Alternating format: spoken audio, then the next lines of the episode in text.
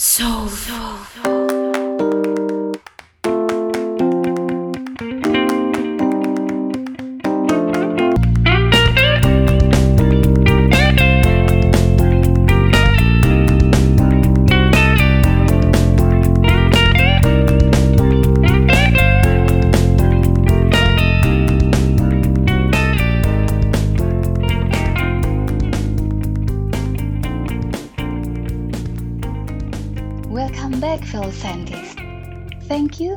listening to Nana Break. Di podcast channel ini, saya akan menemani aktivitas kamu dengan chit-chat santai bermanfaat bersama para pakar di bidang penelitian dan penulisan ilmiah biomedis. Cerita apa ya yang akan dibahas pada episode kali ini? Keep following this channel, Nana Break.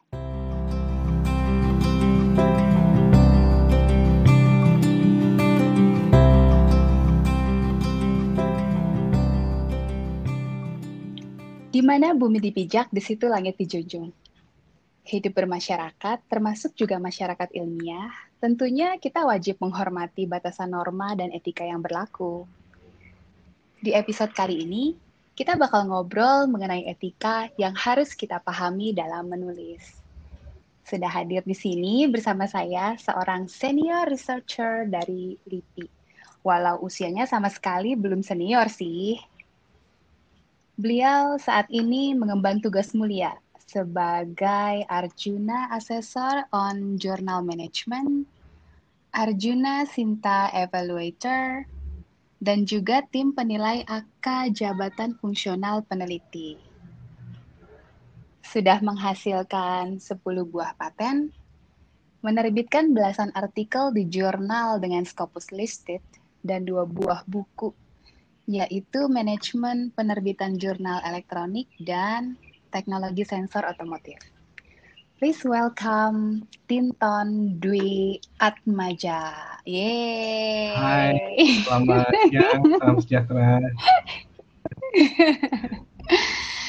Eh, sebelum kita masuk lebih jauh dengan seorang profil yang kayaknya emang cocok banget sih ya diundang ke podcast ini pengen nanya-nanya juga sih kesibukannya di bidang jurnal mostly apa aja sih? Uh, kebetulan saya itu peneliti, peneliti ya. Jadi jurnal itu hanya uh, tugas tambahan aja.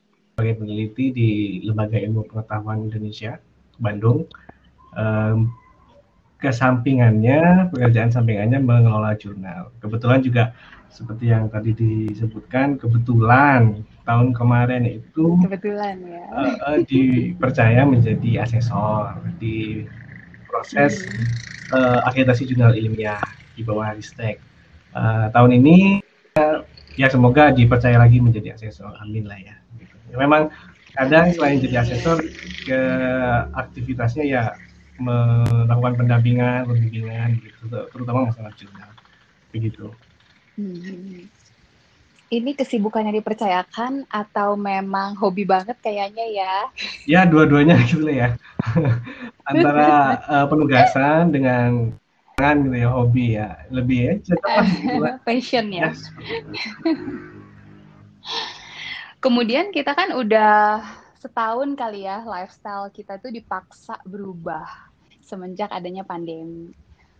Hmm, banyak sih yang bilang dalam masalah publikasi, penulisan itu juga banyak perubahan. Nah, kalau dari Tintan sendiri mengalami nggak sih perubahan itu baik di melakukan penelitian ataupun di bidang publikasi atau asesor, reviewing, whatever sebelum dan sesudah pandemi ini? Ya, uh, ya uh, kerasa banget ya. Jadi sebelum sama sesudah pandemi. Kalau sebelum itu kan kita banyak uh, offline meeting, kita ketemu uh, rapat pleno di mana, terus pendampingan di mana. Kalau ketika kita pandemik ya mostly kita melakukan semuanya via online ya. Uh, pakai hmm. Zoom ya kebanyakan ya. Ini bukan promosi. Uh, Zoom uh, dan meeting-meeting uh, di luar kota sudah hampir semuanya di, di, di tidak dilaksanakan. Uh, meeting offline tuh hampir semuanya di Bandung pendampingan mungkin di Bandung. Mm-hmm. Cuman ya tetaplah kita kita berusaha apa ya menyalurkan passion ini tetap kita berusaha komitmen di dunia publikasi jurnal uh, eh, KTI ya seperti itu lebih sulit atau lebih menyenangkan ya pendampingan jarak jauh seperti uh, itu? Ada untung ruginya ya. Jadi kalau secara maksudnya secara pendanaan akan lebih menguntungkan ya karena kita tidak tidak perlu surat menyurat yang aneh-aneh. Terus uh, hmm. transportasi juga aman gitu ya nggak masalah. Cuman memang untuk pendampingan atau uh, di sisi online pasti agak agak susah gitu agak uh, komunikasi lebih enak kalau offline. Cuman memang tetap aja nggak perlu harus offline kok masih bisa tetap, tetap berjalan, berjalan dengan baik ya so far. Sekarang kita mau nanya-nanya nih soal si etika tadi. Sebenarnya kalau untuk di bidang biomedis sendiri, etika tuh kan selain etika terhadap subjek, ada juga etika dalam hal menulis gitu. Etika itu bisa dipahami sebagai prinsip moral yang mengatur perilaku atau aktivitas seseorang. Ini teori banget nih ya. Intinya sih hal-hal yang dianggap benar dan salah gitu. Yeah. Nah, dalam kategori menulis gitu, penulisan ilmiah uh, fokusnya di sini, etika itu apa sih gitu. Terus uh, kenapa juga ya kita harus peduli sama etika? Kan nulis mah nulis aja. Gitu. Ya. Baik, uh, definisi etika, definisi etika itu ada banyak ya uh, dari definisi dari Amerika, dari komunitas, dari uh, dari Indonesia, uh, definisi dari Permendikbud Dikti. Tapi intinya etika itu adalah standar atau pedoman aja. Jadi standar atau pedoman yang mengatur tentang uh, proses publikasi yang etis gitu. Ini ngomongin masalah kita membicarakan masalah publikasi ya. Pasca penelitian, etika penelitian itu lain lagi. Jadi ketika melakukan penelitian itu ada etikanya, kalau yang kita bicarakan sekarang adalah etika publikasi, berarti adalah proses pelaporan hasil penelitian itu. Biasanya sih kita lihat dari targetnya sih ya, publikasinya uh, publikasinya itu harus dibuat dengan etika tinggi supaya biasanya uh, publikasinya berarti berkualitas tinggi, ada integritas akademiknya terjaga, ya seperti itu. Nah, dalam hal-hal apa aja kita harus aware nah. gitu dalam batasan-batasan etika menulis. Baik. Uh, menulis ya. Nah, kita kalau kita sudah menulis itu biasanya kita akan berhubungan dengan naskah. Naskah artinya adalah tulisan ya, eh, teks, teks by teks, ketemu kita dengan gambar, dengan data, dengan referensi. Nah, kalau kita ngomongin etika, berarti akan lebih mudah ketika kita membicarakan pelanggaran etika. Gitu kan. Jadi uh, daripada kita ngomongin etika yang benar kayak apa, kita lebih baik membicarakan jangan melakukan ini. Nah, ada tiga, tiga yang utama yang sangat-sangat tidak disarankan. Ada tiga pelanggaran etika. Hmm. Yang pertama adalah fabrikasi, sertifikasi, plagiat. Nah itu biasanya hmm. uh, berhubungan dengan gambar, data, referensi. Fabrikasi itu menyajikan hal yang imajiner, yang nggak ada. Karena datanya kurang, terus diada-adain. Itu namanya fabrikasi. Itu tidak boleh. Jelas-jelas tidak boleh falsifikasi penelitinya halu kayaknya iya, ya. uh, uh, pengen tampak bagus gitu uh, terus dibuat ya dadain eh, sebaiknya enggak. Falsifikasi itu datanya mungkin kurang keren kurang bagus. Grafiknya nggak mulus akhirnya diubah. Yang datanya pertama 9 uh, diubah jadi 7 jadi mulus grafiknya. Itu nggak boleh. Itu pelanggaran etika. Mm-hmm. yang paling seru adalah yang ketiga plagiat. Plagiat itu hampir tiap tahun mm-hmm puluhan temuan tentang masalah plagiat itu. Jadi kan karya yang sudah terbit, published content di dipakai di uh, artikel kita tanpa pengakuan yang memadai. Nah, itu tiga itu.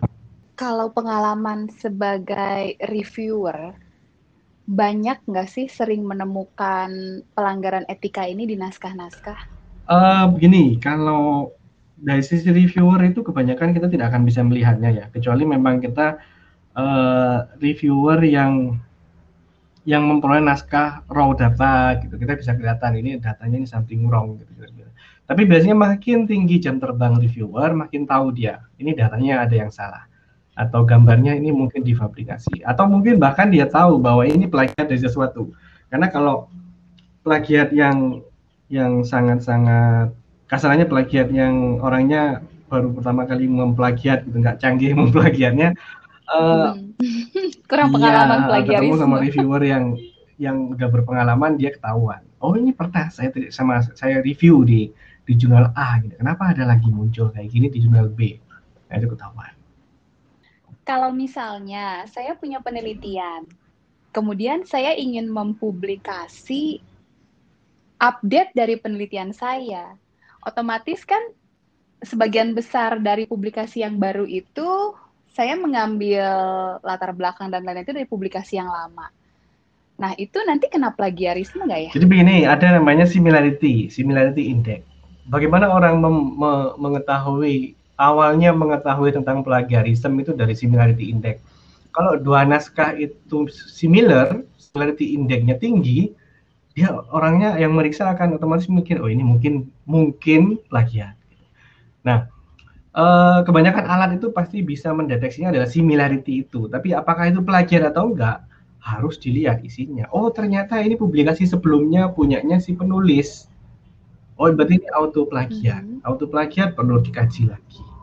Jadi nggak memang nggak apa-apa. Apakah sebuah hmm. sebuah update dari penelitian sebelumnya memang akan banyak banyak possibility uh, tinggi uh, possibility tinggi sekali untuk untuk similar. Tapi kan selama itu disitasi diberikan pengakuan kepada publikasi sebelumnya ya tidak masalah itu tidak tidak plagiat. Hmm. Orang kan disebut plagiat karena lupa memberikan pengakuan kepada uh, publikasi sebelumnya. Seperti itu kalau yang punya sendiri tadi ya mengklaim pernyataan orang lain sebagai pernyataan diri sendiri. Nah, itu plagiat ya? asli. Plagiat asli itu adalah punya orang dia aku, aku sendiri. Nah, auto plagiat atau plagiat sendiri itu adalah uh, kerjaan yang lama diaku-aku sebagai hal yang baru. Nah, itu tidak boleh. Karena, Karena tidak disitasi. Kita bilang bahwa ini uh, update dari yang lama loh. Yang lama kasih nasi. Nggak apa-apa kalau misalnya tadi fabrikasi, falsifikasi, itu pasti sadar lah ya pada saat melakukan. Emang niat banget gitu melakukan pelanggarannya. Tapi kalau yang plagiarisme ini agak-agak tricky sih menurut saya. Mungkin nggak ya orang tuh tanpa sadar melakukan plagiarisme ya, ini? bisa, bisa aja. Karena mungkin kekurangan pengetahuan tentang apa sih plagiat itu gitu. Terus uh, mungkin kurang kurang masa training tentang bagaimana menulis yang baik itu jadi begitu dia merasa bahwa ini tulisan tulisannya sendiri maka itu wajar jika di di ciplak plok di di tulisan terbarunya itu seharusnya itu eh, dapat diminimalisir dengan hal-hal preven, prevensi lah nanti bisa bisa kita bicarakan masalah prevensi tentang biar orang sadar gitu bahwa oh saya plagiat gitu. Mhm. Gak cuma plagiat ya karena itu kan tiga yang terbesar ada tiga lagi sebetulnya yang agak sedikit kecil tapi oh, iya. uh, sama-sama disebut sebagai uh, pelanggaran etika. Kalau boleh saya sebutkan yang tiga lagi itu adalah kepengarangan tidak nama-nambahin penulis atau ngurang-ngurangin penulis. Mm -hmm. Yang berikutnya adalah yang kelima ya berarti ya konflik kepentingan jadi didana, mm-hmm. didanai oleh si A tapi nggak disebutin misalnya di acknowledgement ya jadi ini bukan pengarangan di acknowledgement tidak mengakui yang memberikan pengakuan. Yang keenam, yang terakhir ini paling sering banyak di Indonesia adalah pengajuan jawab. Jadi papernya disebar ke beberapa jurnal sekaligus. Nah itu tiga dalam hal publikasi. Hmm, boleh dijelasin sedikit nggak tuh mengenai contoh-contoh kasus yang tadi kepengarangan, kemudian pengarangan, oke okay, baik. Uh, kepengarangan itu biasanya orang uh, harus memasukkan siapa-siapa yang berhak menjadi pengarang ke dalam jajaran authorship. Cuma kan kadang orang tahu, jadi kadang ada orang yang sudah menyumbangkan sumbangsih ide gagasan, tapi nggak dimasukkan. Nah, itu kan kadang nggak tahu, karena mungkin disangka uh, apa, oh ini orang mungkin nggak, mungkin karena jabatannya jauh di bawah dia mungkin, tapi padahal idenya dari beliaunya, tapi nggak dimasukkan itu bisa. Atau mungkin masukin hmm. uh, pak pak kepala atau pak pak siapa pak direktur gitu yang kemungkinan besar tidak memberikan kontribusi. Nah itu juga seharusnya tidak boleh. Tapi kan di Indonesia agak agak abu-abu ya di situ. Sadar atau nggak sadar? Oh, nama pembimbing kalau pembimbing jelas nggak apa-apa. Kalau pembimbing kan mereka membimbing gitu kan. Karena memberikan ya, ide. uh, memberikan membantu analisis dan lain sebagainya. Oh, kalau contoh lain ya, kalau semuanya yang uh, kita penelitian tentang tikus gitu. Nah, yang memelihara tikus mm-hmm. itu seharusnya nggak perlu dimasukkan ke mm-hmm. ke authorship gitu. Tapi kalau mau dimasukkan ya mm-hmm. agak abu-abu juga kan, mau monggo aja silahkan gitu. Sama itu. Biasanya itu uh, role apa aja sih yang kita masukin ke dalam authorship? Ini agak lebih banyak ya ke ke pengarangan ya. Yang pertama harus masalah substansi. Semua orang yang yang berke yang ikut menyumbang masalah analisis substansinya dari depan sampai belakang itu harus masuk ke ke ini ya ke authorship. Uh, sedangkan yang masalah teknisnya, misalnya yang nyiapin alat atau yang ngambil foto, nah itu sebenarnya tidak perlu menjadi uh, apa namanya authorship. Termasuk penyandang dana. Penyandang dana itu masalah masih abu-abu karena penyandang dana itu sebetulnya ownership itu yang punya yang punya yang punya penelitian bukan authorship mm-hmm. jadi itu harus benar-benar dijelaskan di MOU biasanya ada antara penyandang dana dengan pelaku penelitian pelaku publikasi yang kepengarangan yang paling seru ketika orang Indonesia orang Australia itu datang ke Indonesia meneliti tentang sesuatu di Indonesia hasilnya padahal dia bekerja sama dengan peneliti Indonesia. Begitu publish di Q1, nama peneliti Indonesia nggak ada. Nah, itu yang paling seru yang terakhir. Yang terkenal lah ya. Oh. Kemudian apa Rame. yang terjadi? antara antara dua negara, antara banyak institusi itu rame pasti ya, sampai retraksi dan lain sebagainya.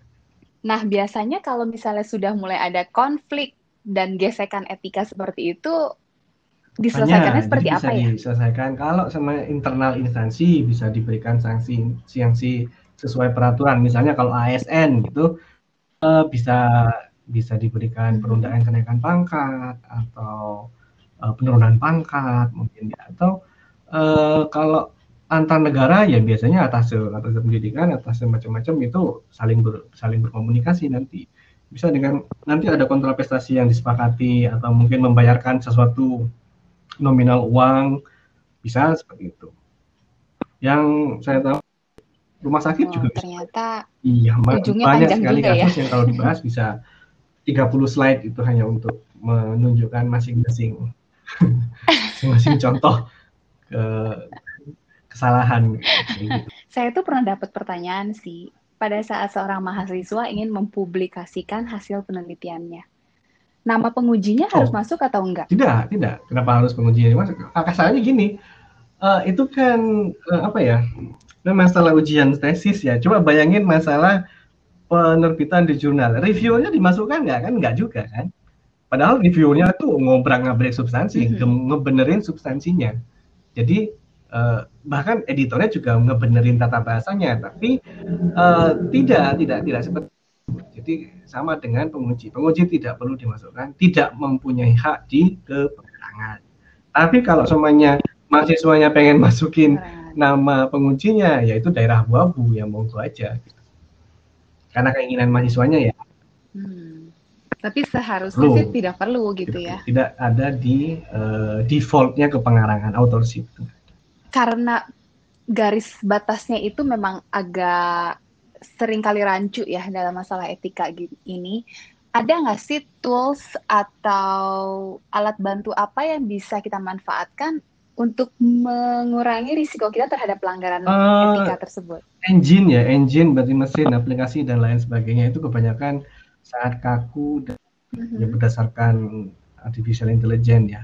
Itu sangat kecil kemungkinan mendeteksi, tapi bisa menurunkan kemungkinan um, pelanggaran etika itu. Misalnya kita nggak terlalu yakin apakah kita plagiat atau enggak kita bisa pakai tool paraphrase ya kan kita nggak boleh jiplak ya. Eh sorry jiplak boleh. Asalkan di, dikasih mm-hmm. dikasih ini apa tanda petik. Itu quote namanya quote no problem.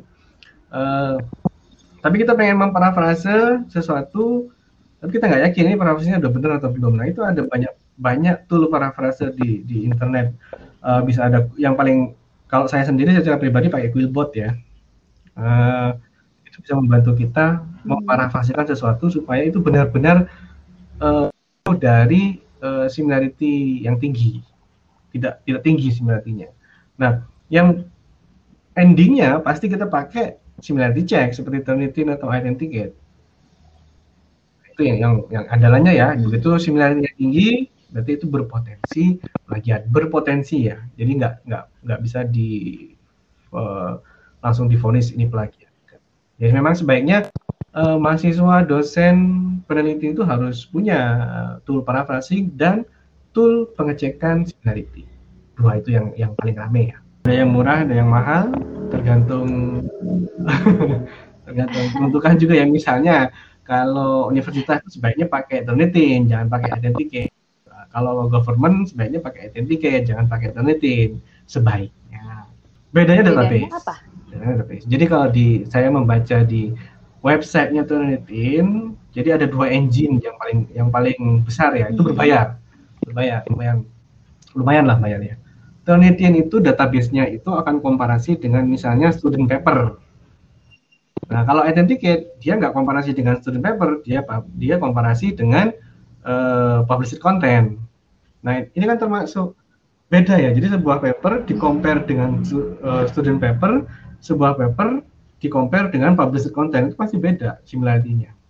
Jadi pemilihan tool itu harus harus harus dikaji iya. lah jangan ujuk-ujuk yang lain pakai ini jadi kita pakai ini juga jadi memang setelah kita menulis selesai Betul, sebelum kita publish kita cek dulu gitu ya kalau misalnya similarity-nya tinggi kita gunakan lagi yes. tools paraphrase tadi. Uh, Boleh diulang namanya? Ini bukan promosi ya, saya pakai Quillbot. Q Bisa dieja. I L B O T. Dan itu ya, hanya untuk nah bahasa itu Inggris. juga mumpung disebut ya.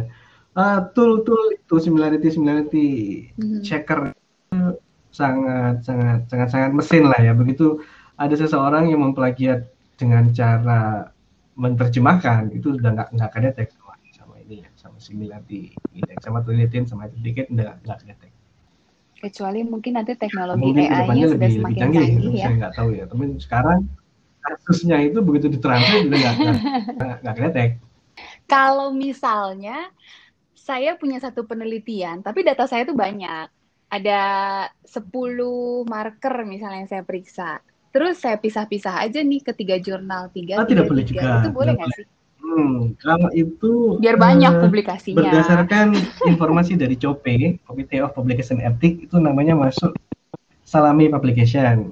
Mm-hmm. Salami publication atau slicing publication. Jadi sebuah mm-hmm. artikel itu seharusnya utuh. Jadi semua parameter muncul dari situ dari nol 1 sampai 10 ada semua dalam satu artikel. Tapi kemudian nomor 5 sama nomor 4 jadiin paper satu lagi. Nomor 7 sama 8 jadiin paper satu lagi supaya banyak katanya. Nah, itu tidak boleh. Itu namanya slicing publication. Iya. Yeah. Indikasinya dari mana? Biasanya indikasi dari is, dari kesimpulan, dari uh, datanya juga data. Bahkan banyak ya kasus uh, di mana kita submit ke satu jurnal, kemudian saya di reject karena data pernah dipakai di publikasi yang ini karena kan editor bisa tahu bisa tahu bahwa data itu pernah dipakai di tempat lain itu itu sebuah sebuah bukti bahwa data sebetulnya ya sesuatu ya buat kecuali memang bisa diyakinkan bahwa itu hipotesis memang memang hipotesis yang hmm. baru yang completely different. Oke, okay, kalau begitu, jika bisa saya simpulkan sedikit, ada beberapa hal yang harus kita perhatikan nih dalam menulis supaya kita terhindar dari benturan pelanggaran etika. Yang pertama tentunya kita jangan mengubah-ubah atau mengada-adakan data kita, ya tadi fabrikasi dan falsifikasi data. Kemudian juga kita harus benar-benar memperhatikan siapa sih nama-nama yang akan dicantumkan dalam manuskrip kita sebagai author atau cukup di acknowledgement aja. Terus juga kita memanfaatkan tools-tools yang tadi sudah disebutkan supaya kita juga terhindar nih dari pelanggaran plagiarisme. Ya, kalau perlu apakah di parafrase. Walaupun idealnya sih kita baca semuanya terus kita menuliskan kembali ya dengan kalimat kita sendiri. Ya memang batasan keterbatasannya karena kita bukan native speaker di dalam bahasa Inggris. Dan yang terakhir menghindari tadi salami atau mempublikasikan satu penelitian kita baik seluruhnya ataupun sebagian-sebagian ke lebih ya, dari satu jurnal. Begitu ya Tintan? Oke, thank you banget untuk waktunya. Dan jangan bosen kalau misalnya diundang lagi untuk mengisi sebagai Siap. narasumber di podcast Nana Brick. Have a good day. Thank you. Demikian sharing dari narasumber kita kali ini. Semoga fellow scientist tidak hanya enjoy, tapi juga mendapatkan manfaat yang bermakna. Jika kamu punya saran atau usulan topik yang ingin dibahas, please send your email to nanabrick@al.com. N A N A B R I C at aol.com because science matters. Choose.